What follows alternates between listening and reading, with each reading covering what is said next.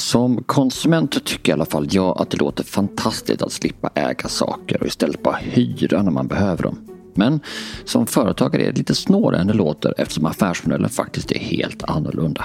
Så hur gör man som företagare om man vill erbjuda en tjänst istället för en produkt? Det här är nästa steg och jag heter Per Granqvist.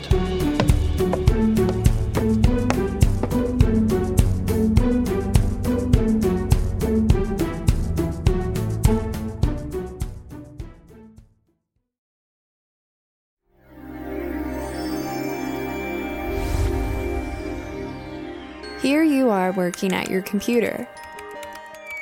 Huh. En gång i tiden oroade man sig för molnet för att det inte riktigt gick att lita på. Vågar man spara bilder, filmer och dokument i det så kallade molnet på internet? Sociala nätverk drivs ofta av företag som kan gå i konkurs. Det här är ett klipp ur Vetenskapsradion i Sveriges Radio 2014. Sex år sedan alltså. Men det låter som det var 60 år sedan. CD-skivan. Den behändiga och hållbara lagringen av vår musik och våra bilder. Ja, många oroar sig då för hur det skulle gå med molnet. Skulle man verkligen vänja sig att ladda upp grejer istället för att ha dem på begripliga hårddiskar och skivor?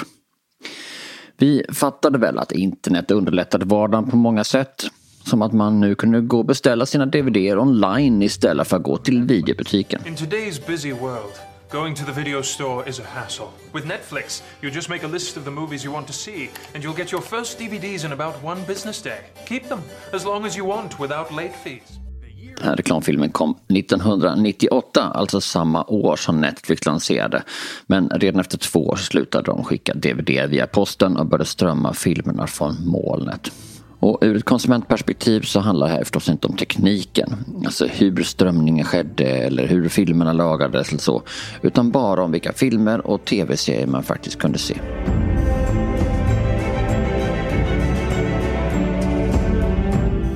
Och det är hela tiden detta som drivit Netflix framgångar. Det har aldrig handlat om hur det sker, men om vår bekvämlighet. Ingen skaffar sig ett Netflix-abonnemang för att man bryr sig om att Netflix har ett oerhört sofistikerat system för att se till att filmerna strömmas från den server som är närmast dig och med en upplösning som passar din sorts skärm och din upplösning. Nej, vi skaffade Netflix för vi ville se House of Cards. Nyttan av att se serien alla snackade om styrde, precis som nyttan av att slippa ha CD-skivor men ändå ha tillgång till all musik i världen. Det var det som gjorde att vi skaffade Spotify. Lärdomen av strömningstjänsterna som Netflix, som Spotify, som Dropbox med flera, ja, det var att vi lärde oss att tillgång trumfar ägande. Så om jag säger till mina kunder att de kan strömma sin bil, kommer de då att fatta det? Svaret är nej. När Volvo lanserade sin bildelningstjänst M första gången hade man det där som slogan Stream cars like music. Och ingen fattade riktigt vad de snackade om. Men tjänsten är bra, riktigt bra. Och det här säger jag utan att få betalt för det. Det här är inte en reklamjingel. Utan M är en genuint bra tjänst som jag älskar. Och det beror inte bara på tekniken som är väldigt avancerad under huven. Utan också på att det finns så mycket tankar bakom. Och det här är tankar som alla företagare som funderar på att erbjuda en tjänst istället för produkt kan lära sig av.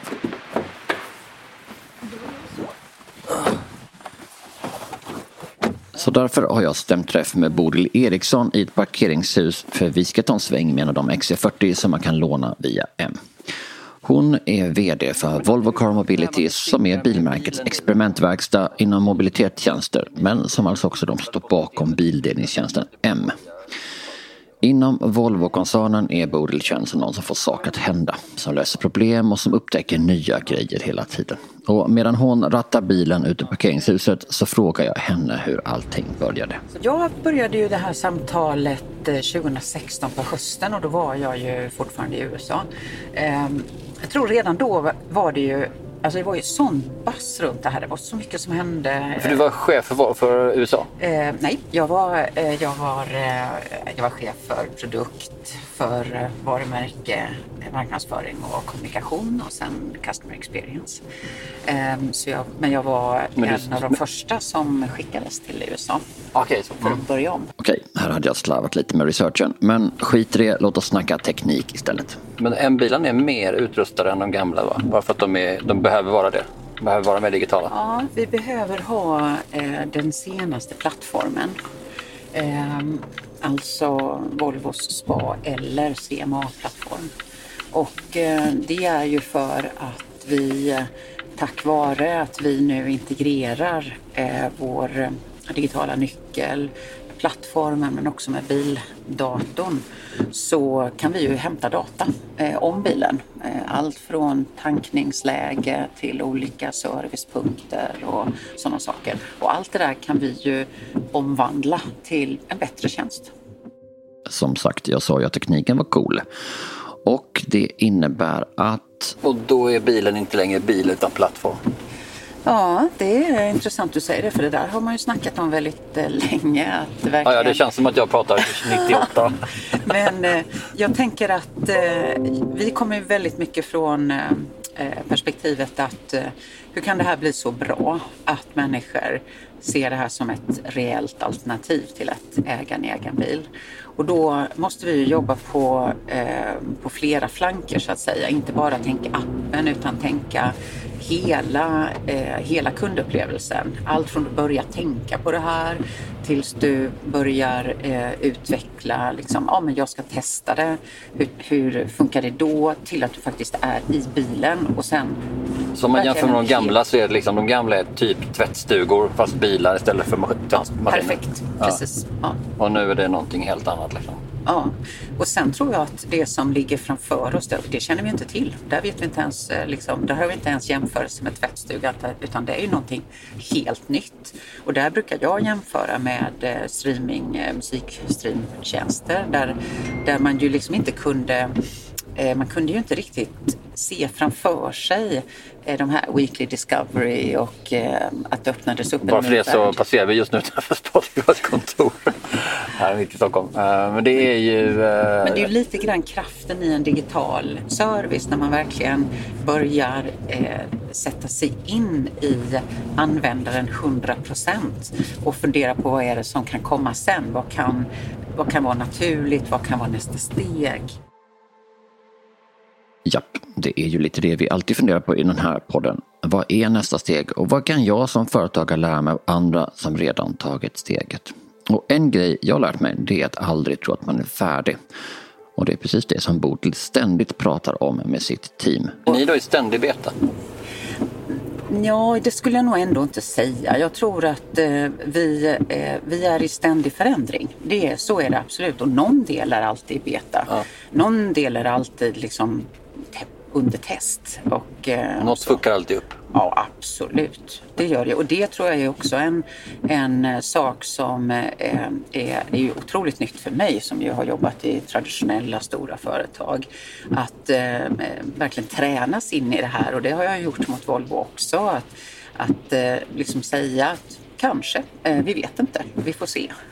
Att inte vara eh, så, ja, det blir så här eller det blir så här. Det här vet ju alla företagare. Ibland blir saker bajs och då, ja, då är det bara att bryta ihop och gå vidare. Bodil stannar vid ett rödljus och jag försöker samla tankarna och formulera den där stora frågan som jag gått och burit på. Och när man ska lansera och försöka förklara något då som är tjänst, inte produkt och, in, och är någonting annat också. En, en hyrbil är ju också tjänst, inte produkt, men det är ändå mer produkt på något sätt. Hur får man folk att fatta det? Jag är inte säker på att vi har gjort eh, eh, ett jättebra jobb alltid. För det har varit mycket svårare än vad vi har trott. Och det beror ju på mm, att det här handlar om en beteendeförändring. Eh, det, det tar ju tid att... Eh, eh det finns ju alltid en liten kärna som, som är där framme. Eh, men när du vill hitta en bredare målgrupp då är du ute på mycket mer osäker mark så att säga. Vad är det som är triggerpoint för att de ska testa? Eh, är det att man är super eh, eh, tydlig, nästan övertydlig med liksom, det här är en bil du kan använda när som helst. Mm. Eller är det att man skapar, att man bygger på värderingar, eh, var med och driv framtiden. Så det där, det där tycker, det tycker vi har varit eh, en stor utmaning. För då låter det som att man också måste vä- växla budskap eller växla över i olika. Om vi börjar med early adopters, de får man Ja, med sig. Och sen precis. ska man gå de här, vad heter early majority eller något sånt va? Exakt. Eh, och där, där eh, satte du verkligen fingret på en sak som vi har erfarit. För vi, vi var ju, eh, under ett helt år så byggde vi ju den här tjänsten tillsammans med användare i eh, totalt 8-9 alfa-tester som vi, och vi uppdaterade appen kanske, ja det var ju kanske sju gånger per månad eller något sånt där. Mm. Tio gånger per månad kanske. Och den gruppen vi hade med oss, de var ju de här early adopters. De, de, de hade redan hajat allt och var, eh, hjälpte oss ju otroligt mycket med att peka på eh, vad vi borde hitta på härnäst eller vad som måste förbättras och, och så. Eh, och sen kommer man i den här mycket, mycket bredare målgruppen som eh, inte alls tänker på att det här är en digital tjänst utan kommer från någon, en helt annan värld. Ja, just det. Ja, det är just precis. Då, och hur märker man det då? Det kan man, då måste man då märka genom antingen stagnerad tillväxt eller att lanseringen inte går lika lätt som någonting annat? Ja, jag tror att eh, för vår del har det varit eh, gå djupare. Vi har ett, eh, ett team, ett Customer Experience Team och de har hjälpt oss otroligt mycket för de är hela tiden de, de tar ett större grepp, går på djupet, förstår vad är problematiken, vad är det som människor hakar upp sig på eh, och så gör vi om. Så när du säger är ni i ständig beta, ja här, här tycker jag vi har varit i ständig beta. Eh, därför vi har fått lära oss om och om igen vad är det för människor vi pratar med och vad förstår de och vad förstår de inte. Det här är så enkelt att det nästan låter banalt, men att verkligen förstå kunden och vilken nytta man erbjuder är så viktigt och särskilt när man ska lansera tjänster. Bodil försöker leva som hon lär. Så en av de saker hon gjorde när hon började på M, det var att dumpa sin bil. Jag älskar bilar. Mm. Och för mig är bilen frihet. Mm. Det är att kunna på något sätt bejaka den jag vill vara. Eh, utforska, ut och titta och greja, hitta saker, hitta, besöka vänner och så vidare. Och ehm, att inte ha Eh, den, eller känna tryggheten i den friheten, det är frustrerande för mig. Men samtidigt så skaver det ju. Jag bor i stan, jag använder inte bilen eh, hela tiden. Så när jag det är ju helt galet om du hade bil nu. Om du säger det så blir, får jag nästan kliva ut.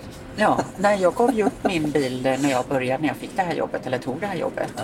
Och har ju levt då utan egen bil i tre år. Och det har ju varit ett, eh, ett verkligt uppvaknande skulle jag säga. Inte bara därför att jag har liksom lärt mig i grunden hur sådana här tjänster funkar och vad som jag tycker är knöligt med dem. Eh, men också därför att jag har blivit så paff över mina egna beteenden och hur djupt vissa beteenden har suttit. Slentrianbilandet liksom. Ja. Och också hur bilen nästan var en, en, eh, ja det var centrum av min eh, planering hela min planering utgick från min bil. Och, eh, och det eh, var jag inte medveten om. Jag var absolut inte medveten om det. Hur, hur, ändrade du liksom, vad är det du har bytt nu då? Nej, framförallt så är det ju det att jag funderar när jag vill ha, alltså när behöver jag verkligen en bil? Jag använder andra transportmedel på ett sätt som jag inte gjorde tidigare. Jag, eh, bilen var min default eh, oavsett vad jag gjorde nästan. Eh, och eh, jag kombinerar transportslag på ett sätt som jag inte gjorde tidigare.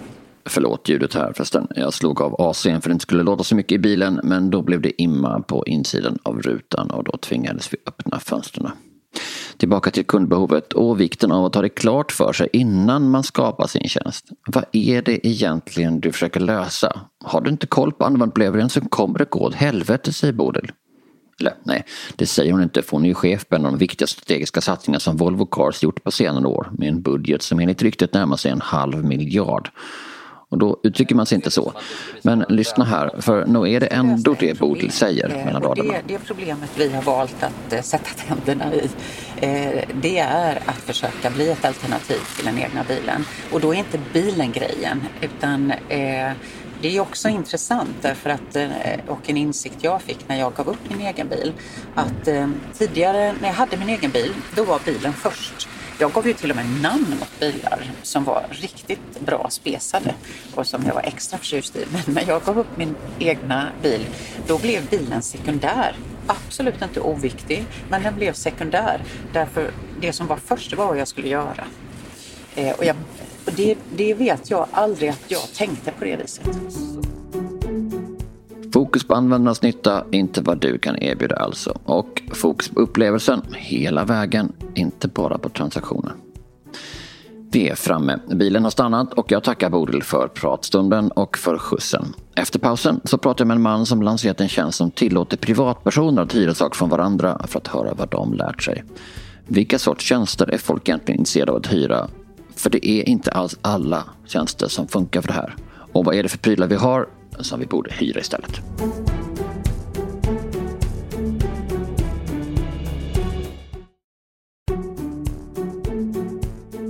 Vilka saker äger du som du önskar att du inte ägde utan kunde hyra istället? Ja, det skiljer förstås från person till person, men låt oss höra vad Ola Degerfors har att säga. Som många liksom ser framför mig när jag, när jag ska göra något, att, att det här ska bli en ny del av mig själv. Och det har varit mycket olika så sportgrejer som jag har provat och då har jag köpt ganska mycket saker som jag nu inte längre använder. En del har jag sålt, en del hyrs ut på Hygglo, en del ligger bara och skräpar. Men det, där tror jag finns ganska många saker. som Jag har en eh, Vadå, så du tänker så här, fan vet om inte jag är en pingiskille? Ja, typ. Det ska bli en ny del av mitt liv. Så Ja. nu jäklar, jag måste göra rätt fina grejer så jag kommer in i det här communityt. Jag kan inte bara dyka upp med vilket pingisrack som helst och sen så går jag in i det där och så skaffar jag mig de här grejerna och sen så Den stora pingisväskan Ja, direkt. ja snygga. Yes. liksom. Och sen så blir det aldrig någon riktig superpingisstjärna av mig. Eh, och sen kvar är jag med mina racket. Mm. Så där, där, där tror jag mm, sportgrejer skulle kunna vara en sån sak. Och även har jag en ganska fin setup med verktyg som jag heller aldrig någonsin använder. Ola är inte ensam om det här. Han är dock inte en random kille på Södermalm, även om det låter så, utan han är grundare till Hygglo. Och det är en tjänst som lätt att summera som, Ola, Ja, men det är nog hyra istället för att köpa. Punkt. Ja, det är en väldigt kort variant. Men vi, vi alla har ju så här väldigt mycket saker hemma som vi aldrig använder och de borde vi kunna använda på ett bättre sätt. Och, och, och där någonstans startade vi, men det är en längre beskrivning. Så det vi brukar säga är just den, den ännu kortare hyra äger. Den gillar jag och den brukar vi använda ganska ofta.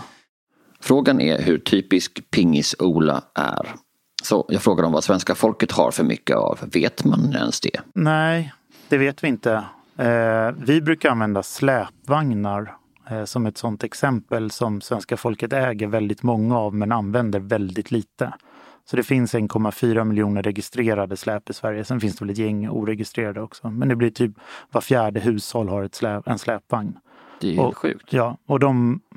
Nu har vi frågat våra användare då så att undersökningen är bara på våra användare. Men då använder de den i 10 timmar per år själva. Så att det, det är ju ett sånt här jätteresursslöseri. Den ska stå parkerad på en garageuppfart, den används inte och var fjärde hus har den. Så att det, och de är rätt dyra inköp också. När man snackar om kundbehov så måste man alltså skilja på verkliga och påhittade eller inbillade behov. Nej, men jag tror det är många sådana där vi ser. Det är många, man tror att man behöver massa saker för att det ska fungera enkelt eller smärtfritt eller att det... Det finns en mänsklig bias om att, att om man har gjort sig av med någonting som man senare behöver, rädslan för det är större så man behåller saker. Så man vill inte sätta sig i en situation där man faktiskt har sålt någonting som man senare kan behöva. Det här verktyget eller den här grejen. Så att vi, vi samlar ju gärna på saker ifall vi behöver dem längre fram. Eller pingisracketar, eller släp och Förutom släp så är det campinggrejer. Det verkar också vara någonting man gärna köper och sen inte riktigt använder. Och då ganska fina och dyra tält till exempel. Där har vi rätt många som är helt nya, aldrig använt och så är det ett Hillebergtält för 12 000 kronor. Och då, då är det också samma, man har tänkt att man ska bli den här äventyrliga som ska ge sig ut i skog och mark. Men det hände aldrig och kvar i tältet. Så att där, det är en så här släp och vissa campinggrejer. Det verkar vara, i alla fall vad vi kan se på plattformen, saker som, som svenskar äger men som de kanske inte borde. Innan Ola och hans kompanjoner startade Hygglo så försökte de bedöma behovet genom att ta del av olika undersökningar de hade googlat fram. Dels i England där det finns en liknande tjänst och dels här i Sverige. Innan vi drog igång så hade vi också läst eh, lite olika undersökningar, både svenska och europeiska, de var ungefär samma, där, där 15 procent svarade att de gärna skulle låna ut eller hyra ut saker i en delningsekonomi. Medan 80-85 procent svarade att de gärna skulle låna av någon annan eller hyra av någon annan. Så i princip så här, jag vill inte låna ut borrmaskinen till min granne men jag lånar gärna min grannes. Och då, då trodde vi att här, utmaningen här det ligger ju att få de här 15 procenten och kanske bli 30 procent.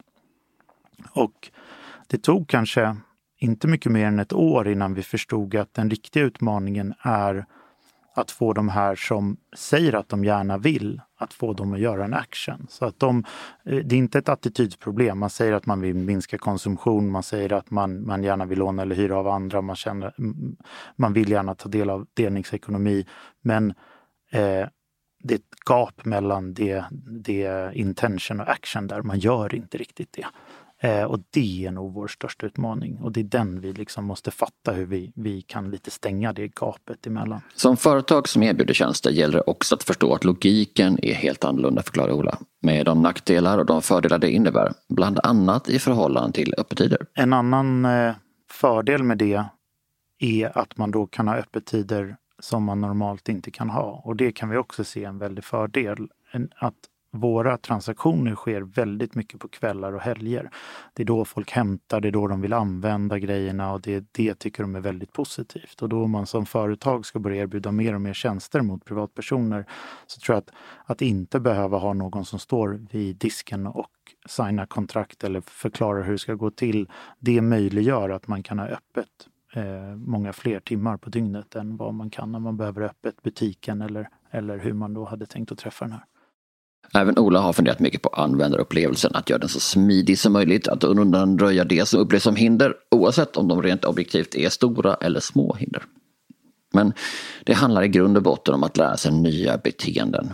Och det är lättast att göra när folk gör stora förändringar i sitt liv. Eller, ja, det är i alla fall så i teorin. Jag vet att eh, Volvo pratar om, om förändringsfönster där man kunde se att nybyggda områden när folk flyttade hade högre nyttjandegrad på delade resurser och bilar än om man satte ett garage i en redan existerande bostadsmiljö. Det vill säga att folk flyttar, man är benägna, benägen att, att göra massa fler nya val än bara flyttvalet. Så där pratar man liksom om förändringsfönster. Eh, och det kan ju vara ett sådant att man då börjar komma igång och komma in och då, då är man intresserad av fler liknande tjänster eller, eller värderar att testa flera. Och tänker ni så också? Har ni som skräddarsytt er kommunikation till, att, till nya områden eller vi hade det i början. Vi gjorde ganska mycket insatser i Hammarby sjöstad men kan tyvärr inte säga att det gav någon sån här jättebra utdelning eller frukt. Nej, vi växer ganska organiskt med användarna. Ja, alltså att folk berättar för sina vänner om hur bra de tycker att tjänsten funkar. Och att det tar lite tid är inte så konstigt om man tänker på att det också är en ganska stor förändring som ska till. Ola berättar också att det är ett problem att folk säger sig vara villiga att dela saker men att de inte omsätter det till praktiken. Det är lätt att snacka.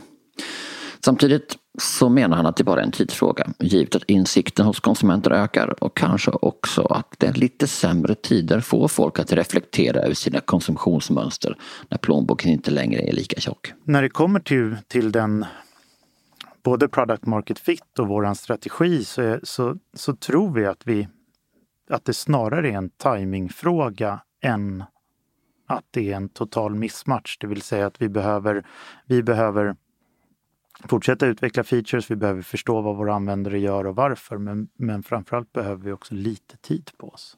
Så att vi har inte sett eller trott att Hygglo ska växa liksom som en raket här och nu utan uthållighet.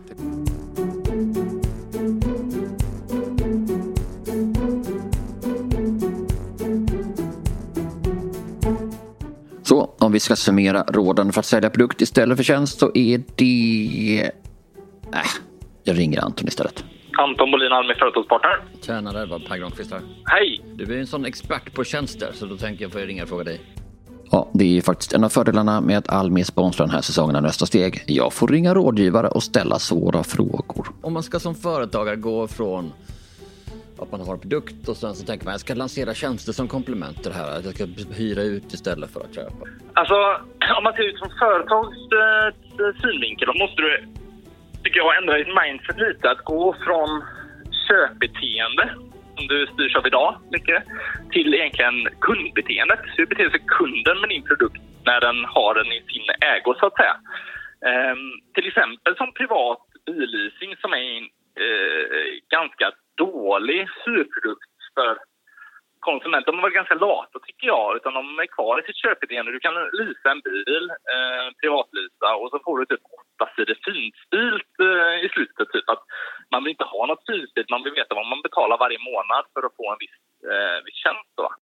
Snackar med folk som funderar på att lansera tjänster, dyker det ibland upp där att man pratar om liksom lite drömskt om ja, SAS-tjänsterna är fantastiska, alltså software as a service, du har allting i cloudet och du behöver inte tänka någonting. Liksom.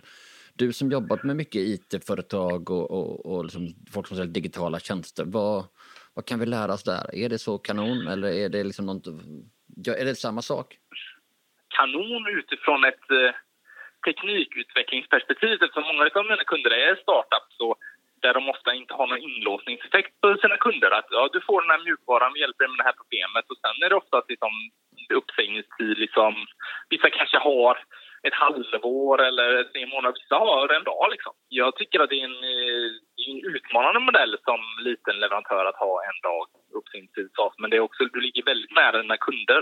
Du har gått från köpbeteende till kundbeteende. Så en grej till också jag tänkte på är viktigt om du är ett hårdvarubolag, typ SUP Kort kommentar här. Anton har jobbat så mycket med mjukvaruföretag att han betraktar alla som gör fysiska prylar som hårdvaruföretag. Även om de inte gör hårddiskar eller datorer eller sånt. Så när Anton ska prata om företag som säljer suppar, alltså sådana där brädor man står och paddlar på, så kallar han dem för hårdvaruföretag. Vi tar det igen. Så en grej till också jag tänkte på är ju viktigt om du är ett hårdvarubolag. Typ SUP. hur många jävla suppar ligger liksom inte i alla garage? Jag har tre polare som aldrig har stått på den jävla brädan mer än en gång. Liksom. Hade det bolaget gått mot en urmodell så hade ju folk bara skickat tillbaka skiten direkt. Liksom. Det är verkligen så här, har du en produkt som det, liksom, folk liksom verkligen nyttjar, liksom. det är kanske en helt annan kanal du ska vara i för att få maximalt nyttjande på ska driva en långvarig business inom SUP så måste du få folk att stå på de här brädorna. Annars kommer folk lägga ner. Liksom. De kommer inte köpa den ny om tre år. Det är bara en fluga. Utan ska du då, är du väldigt verkligen där intresserad av att bygga en, en bransch kring SUPar, så liksom nere i vattnet då, när folk går sug och har en SUP, står och levererar den till dem. Just det, men det, är ju, det är en viktig poäng för att liksom man kan hitta på Ibland pratar vi om som att alla affärsmodeller är bra och det är de ju inte. För som sagt, SUP-marknaden för att hyra ut SUP som tjänst är ju ganska begränsad under vintern. Så det spelar liksom ingen roll, ja. och även under sommaren för den delen, det spelar ingen roll alls. Nej. Utan det kanske enda modellen man kan ha är att vara, hyra ut SUP på stranden. Som man ju haft ja. hur länge som helst. Jag har flyttat till landet här nu för tre år sedan och vi bor i en skog. Jag var så jävla sugen på att köra mountainbike, testa det liksom, i skogen. Men då är liksom insteget för att göra det är ju liksom du ska ha hjälm och ryggskena och smsa en polare. Du kan köpa den här för 13 000. Det är en bra eh, billig cykel. Liksom. Okay. Men den är uppe liksom i 18 000 för att testa på någonting. Det är ju perfekt en sån grej som man bara går in och klickar sig. Du kan hyra all kit. Liksom. Du får en hyfsad cykel och så får du så du kan köra i skogen och skydd och allting. Du kan betala 800 spänn i månaden för det, eller 700 som ett gymkort. Liksom. Lite dyra gymkort. Då kan man testa i tre månader och så, då får man också, det så ett intresse ökar liksom. Just det, och den som köper kommer ju vara då mer nöjd. Om det hade varit XXL som hade kränkt det här eller din lokala sporthandlare eh, och så, här, så hade man ju känt gud vad bra. Och då får man ju också ja. en relation och så kommer man tillbaka och då köper man de där handskarna nästa varv. Ja, eller så här, nu kommer jag antagligen inte köpa den här cykeln för, eller totalt investera på 18 000. För det är lite för mycket pengar för att pengarna tycker det är kul. Man kan hyra ett paket i tre månader. Då kanske jag gör det. Köper bort Då har man liksom konverterat en kund som aldrig skulle konverterat annars. Exakt. Ja, skitbra. Och ännu ett bra exempel. Jag tackar så hemskt mm. mycket för att jag fick ringa dig denna dag. Hej. Hej. Kanske är det just detta som är nyckeln när man ska börja med att lansera tjänst. Att göra det som ett smart komplement till den befintliga verksamheten. Ett sätt att manifestera bra service och att man har kundernas behov i fokus. Tack för att du lyssnade, för att du tog del av den här ljudtjänsten On Demand. En tjänst utan produkt eller, vi har ju faktiskt produkter. I vår butik hittar du massor med snyggt vad vi vet merch. Som den här snygga gråa collegetröjan jag har på mig idag. Ja, Det ser ju inte du såklart, men låt mig intyga att den är skitsnygg och toppen. Gå in på www.se butiken så ser du hela sortimentet och så stödjer du oss och får kvalitetsjournalistik varje gång. Det är www med enkel v, www.se butiken så hittar du prylarna där. Vem tror du skulle bli glad av att höra det här förresten? Tipsa dem om avsnittet, för jag gissar att det är fler än en. Tipsa om avsnittet genom att använda dela-knappen i din app. Det är faktiskt då som många upptäcker den här podden. Och när du ändå är inne där och rotar, glöm inte följa eller prenumerera på podden för att inte missa kommande avsnitt. Jag heter Per Granqvist och den som fått mig att låta någorlunda vettig är Jens Back som skött tekniken och klippt dagens avsnitt. Eva Dahlberg hjälps till med researchen. Nästa steg är en podd från Vad vi vet. Följ oss på Vad vi vet på LinkedIn eller på vad vi vet på Instagram. Eller vår särskilda företagskanal www.foretag, alltså www med enkel v, www.foretag utan prickar. Så får du del av andra historier och andra råd från företagare, precis som dig själv, om hur de navigerar och hanterar saker och ting och hur de har tagit just det steg som du kanske funderar på. Vi hörs snart igen.